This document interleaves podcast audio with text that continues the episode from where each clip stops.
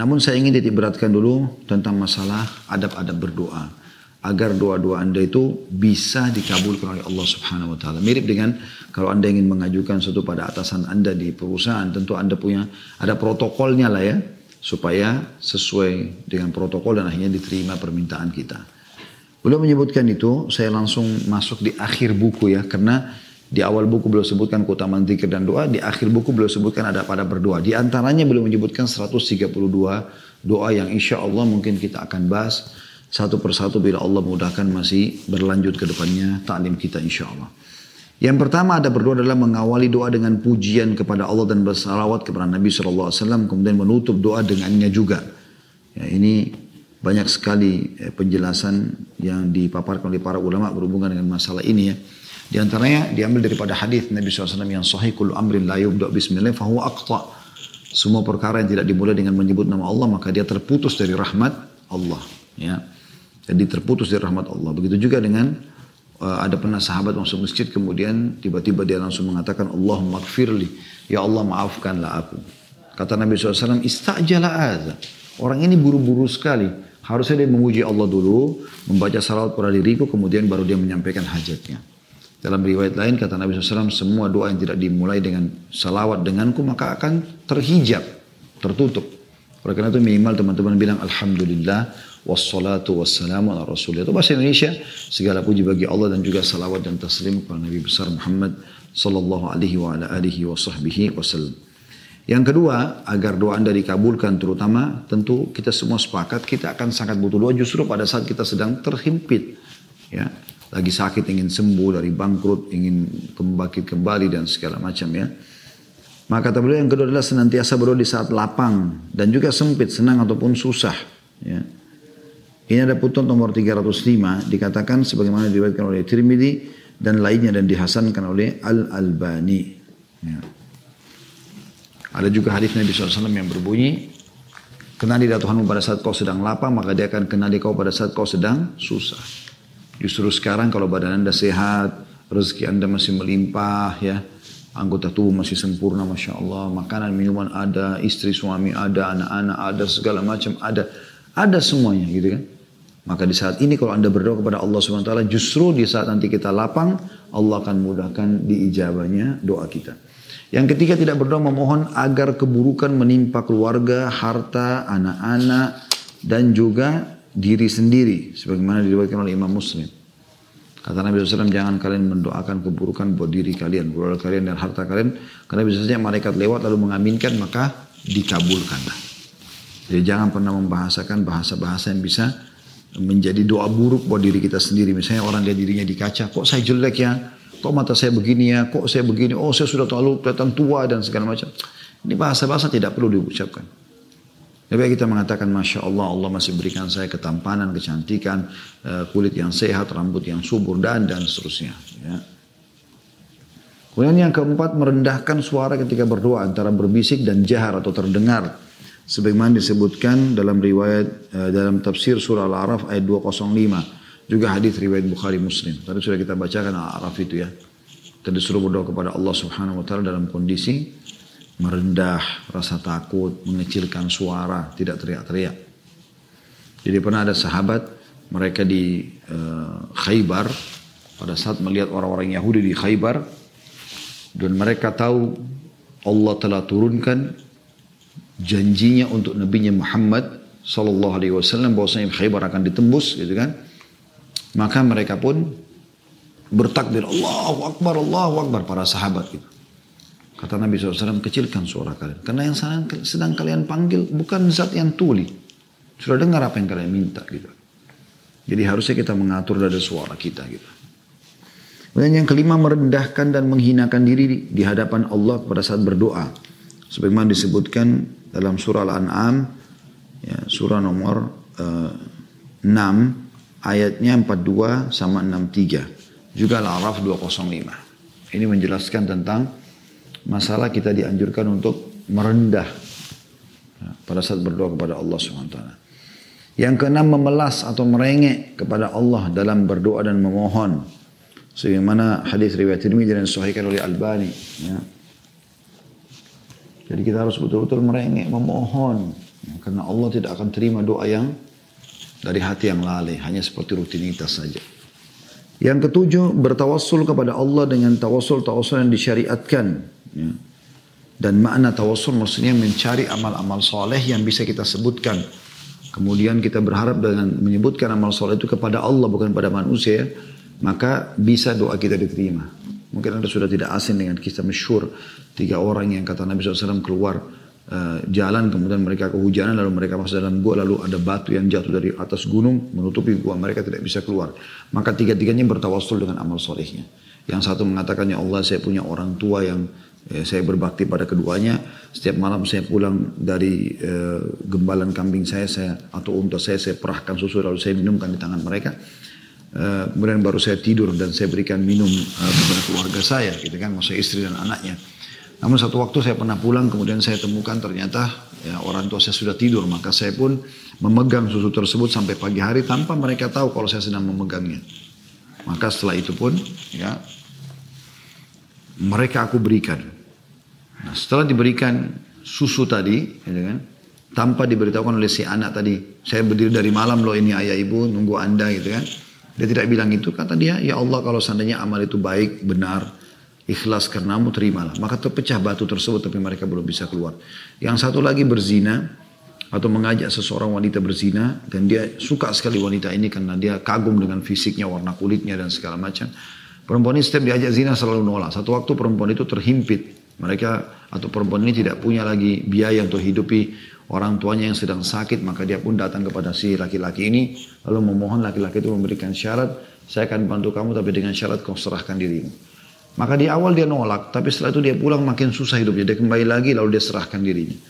Setelah kata orang ini, setelah saya pun sudah berhasil menguasainya, ya saya berada di antara keempat kakinya, maksudnya di dua pahanya dan dua tangannya, artinya dia sudah tinggal memasukkan kemaluan di kemaluan, tiba-tiba perempuan itu mengatakan bertakwalah kepada Allah, jangan kau letakkan cincin kecuali pada tempatnya, maksudnya jangan kau berzina. Maka tiba-tiba dia pun meninggalkan. Kata dia, Allah kalau seandainya saya tinggalkan wanita itu yang tadi cantik menurut saya yang saya sudah kuasai dia. Meninggalkan karena kamu ya Allah, maka keluarkan kami dari gua ini, maka pecahlah batu tersebut tapi dia belum bisa keluar. Mereka belum bisa keluar. Yang ketiga mengatakan, oh, karena tiga orang tadi terkurung di gua. Yang ketiga mengatakan, saya Allah memiliki seorang pegawai yang dia bekerja sama saya, tapi sekian lama dia nggak ambil gajinya, lalu kemudian tiba-tiba dia pergi. Maka saya, saya tidak tahu di mana keberadaannya karena zaman dulu nggak ada telepon kayak kita sekarang bisa cek segala macam ini nggak ada. Atau ada medsos lah secara umum ya.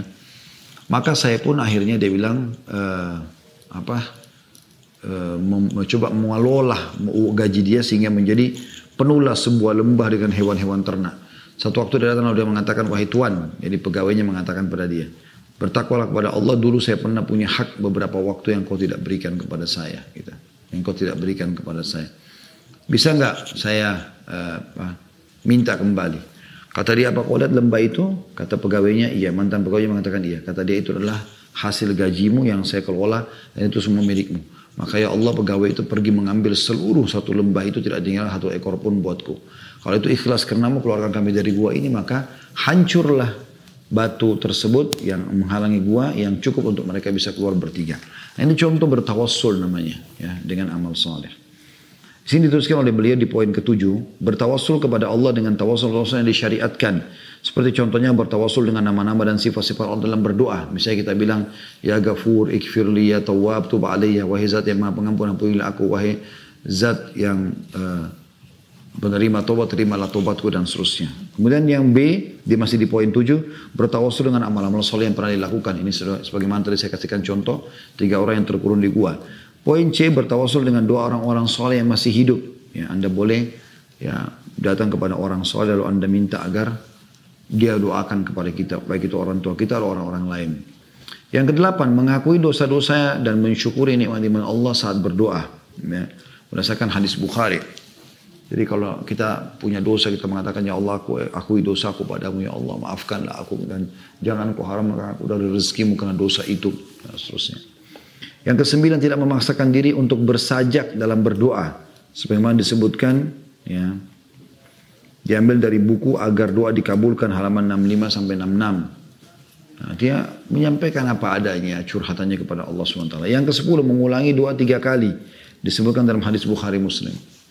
Jadi usahakan disebutkan minimal tiga kali doa yang kita sampaikan. Kemudian yang ke-11 menghadap kiblat. Sebenarnya disebutkan dalam hadis Bukhari dari hadis Abdullah bin Zaid radhiyallahu anhu. Kemudian yang ke-12 mengangkat kedua tangan saat berdoa. Ini juga diambil dari buku sama agar doa dikabulkan halaman 67 sampai 68. Ya, kemudian yang ke-14 menangis ketika doa, ketika berdoa karena takut kepada Allah. Ini juga diambil dari buku yang sama di halaman 68 sampai 70. Kemudian yang ke-13, maaf, yang ke-12 tadi mengangkat kedua tangan saat berdoa. Yang ini ada hadisnya kata Nabi SAW, Allah malu mengembalikan tangan hamba yang diangkat ke langit dalam keadaan kosong. Mesti dikembalikan dalam keadaan kosong. Yang ke-13 beruduk sebelum berdoa ini termasuk adab yang penting ya. Beruduk sebelum berdoa. Walaupun ini bukan keharusan tapi sunnah. Yang ke-14 menangis ketika berdoa karena takut kepada Allah. Jadi kalau kita pernah berbuat dosa, khawatir Allah hukum dan segala macam itu bagian daripada hal yang sangat ditekankan. Yang kelima belas menampakkan rasa butuh kepada Allah saat berdoa. Dan jangan acuh tak acuh, tapi tunjukkan kebetulan seperti anda kalau minta pada atasan anda. Atau anda lagi terlilit utang gitu kan. Dan anda pengen agar meminjam uang kepada seseorang. Kira-kira bagaimana anda meyakinkan orang tersebut. Mungkin anda sambil menangis, anda datangkan anak anda yang susah, yang beberapa hari nggak makan dan segala macam. Anda datangkan bukti-bukti kalau Anda memang terlilit utang dan dikejar oleh orang-orang. Supaya Anda yakinkan kepada dia. Maka Anda harusnya tunjukkan kerasa butuh itu kepada Allah. Yang ke-16, memulai berdoa untuk diri sendiri apabila berdoa untuk orang lain.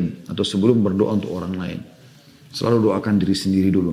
Dan ini disebutkan dari hadis riwayat Tirmidzi dan sahihkan oleh Albani.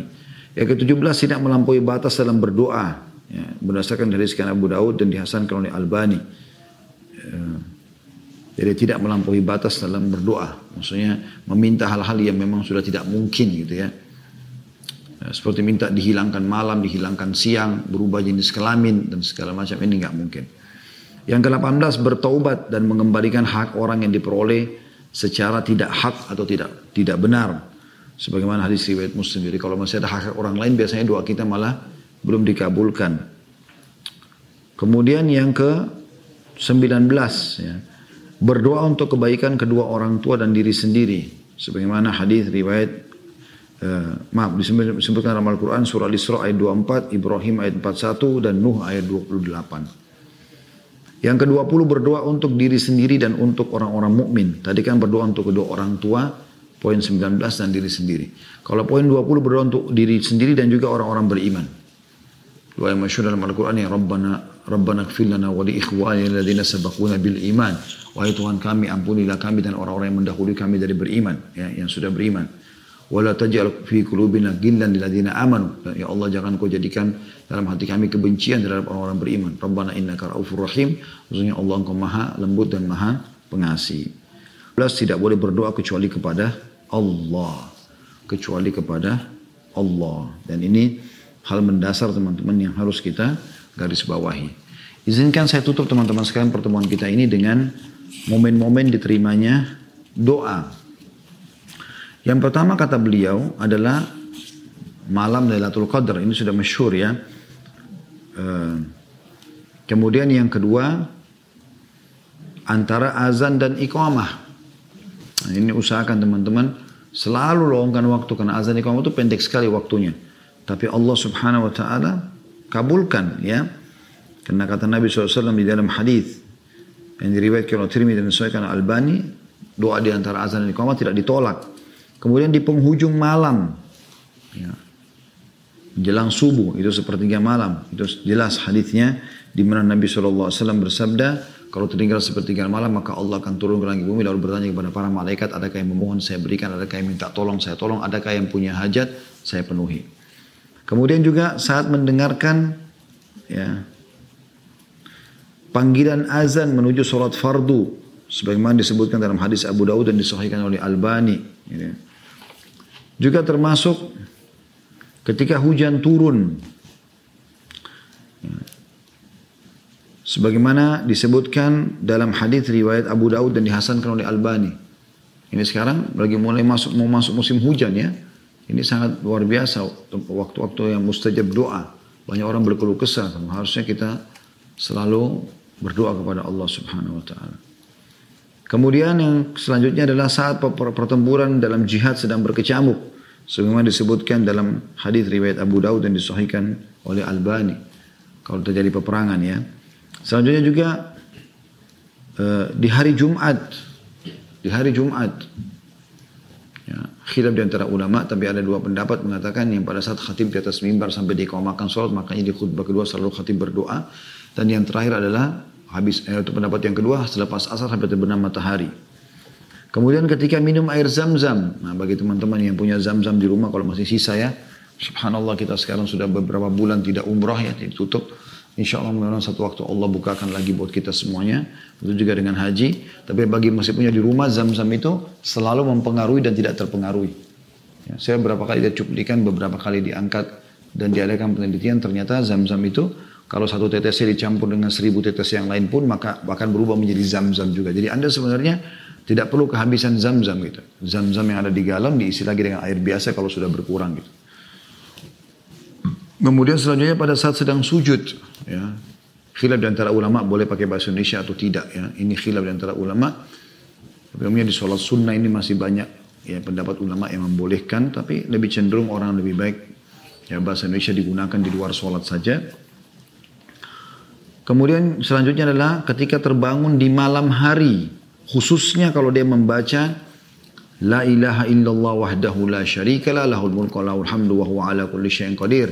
Tidak Tuhan yang berhak disembah kecuali ia dan tidak ada sekutu bersamanya. Ya. Subhanallah walhamdulillah wa la ilaha illallah wallahu akbar. Tiga, empat zikir yang masyhur. Subhanallah maha suci Allah. Subhanallah walhamdulillah. Segala puji bagi Allah. Wa la ilaha illallah. Tidak Tuhan yang berhak disembah kecuali Allah. Wallahu akbar. Allah maha besar. Kemudian yang zikir terakhir adalah wala haula wala quwata illa billahil aliyil azim. Tidak ada dan kekuatan kecuali milik Allah yang maha uh, mengetahui. Ya.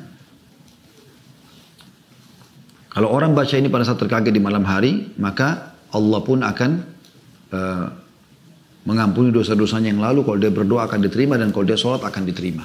Ya. Begitu juga dengan membaca, libatkan dalam doa kita doanya zannun. Zanuni Nabi Yunus AS. Nabi Yunus itu dalam perut ikan paus, beliau membaca apa? La ilaha illa anta subhanaka inni kuntu minal zalimin. Siapa yang membaca ini kata Nabi SAW dalam doanya maka Allah akan kabulkan doanya.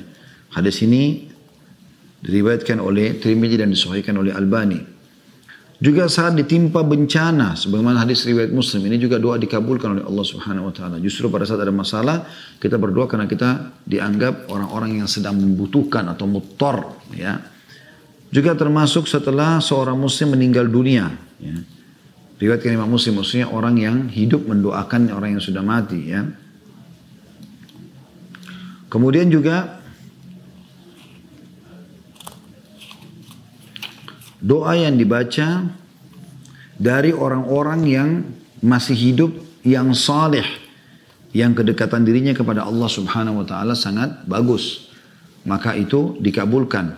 Juga masuk dalamnya doa muslim terhadap muslim yang lain jadi kalau anda didoakan oleh muslim siapa pun ala zahril ghaib tidaknya tidak nampak depan mata dia doakan kita sembunyi-sembunyi maka itu juga dikabulkan oleh Allah Subhanahu wa taala Kemudian juga di bulan Ramadan yang sudah masyhur ini diterima doanya ya orang-orang yang berdoa terutama yang puasa. Kemudian ketika ayam berkokok, ya, semuanya disebutkan dalam hadis Bukhari Muslim semuanya ini kalau ya akan dikabulkan doa pada saat kita mendengarkan kokokan ayam kata Nabi SAW kalau kalian dengarkan kokokan ayam maka sebaiknya ya anda berdoa. Ya. Berdoalah karena dia sedang melihat apa yang tidak melihat kalian, maksudnya melihat para malaikat gitu ya. Dan yang terakhir teman-teman sekalian adalah berdoa pada hari-hari 10 awal bulan Zulhijjah kata beliau dan disebutkan sebagaimana disebutkan dalam hadis Bukhari. Karena hari ini adalah hari yang paling dicintai oleh Allah Subhanahu wa taala. Termasuk dalamnya juga adalah hari Arafah yang tanggal 9 yang sudah masyhur ya. Itu diterimanya doa ya. Kemudian di Masyaril Haram di Muzdalifah, di Mina, di Arafah, ini semua termasuk hari-hari yang mulia untuk diterima doa oleh Allah Subhanahu wa taala. Ini teman-teman sekalian yang kita jadikan sebagai bahasan kita pada pertemuan sekarang. Semoga saja bisa menambah informasi buat Anda semua. Dan saya sarankan kalau teman-teman mau lebih jauh mendengarkan cukup banyak sekali kisah yang saya sampaikan di YouTube itu Anda bisa mengikuti ceramah kami yang judulnya Dasyatnya Doa.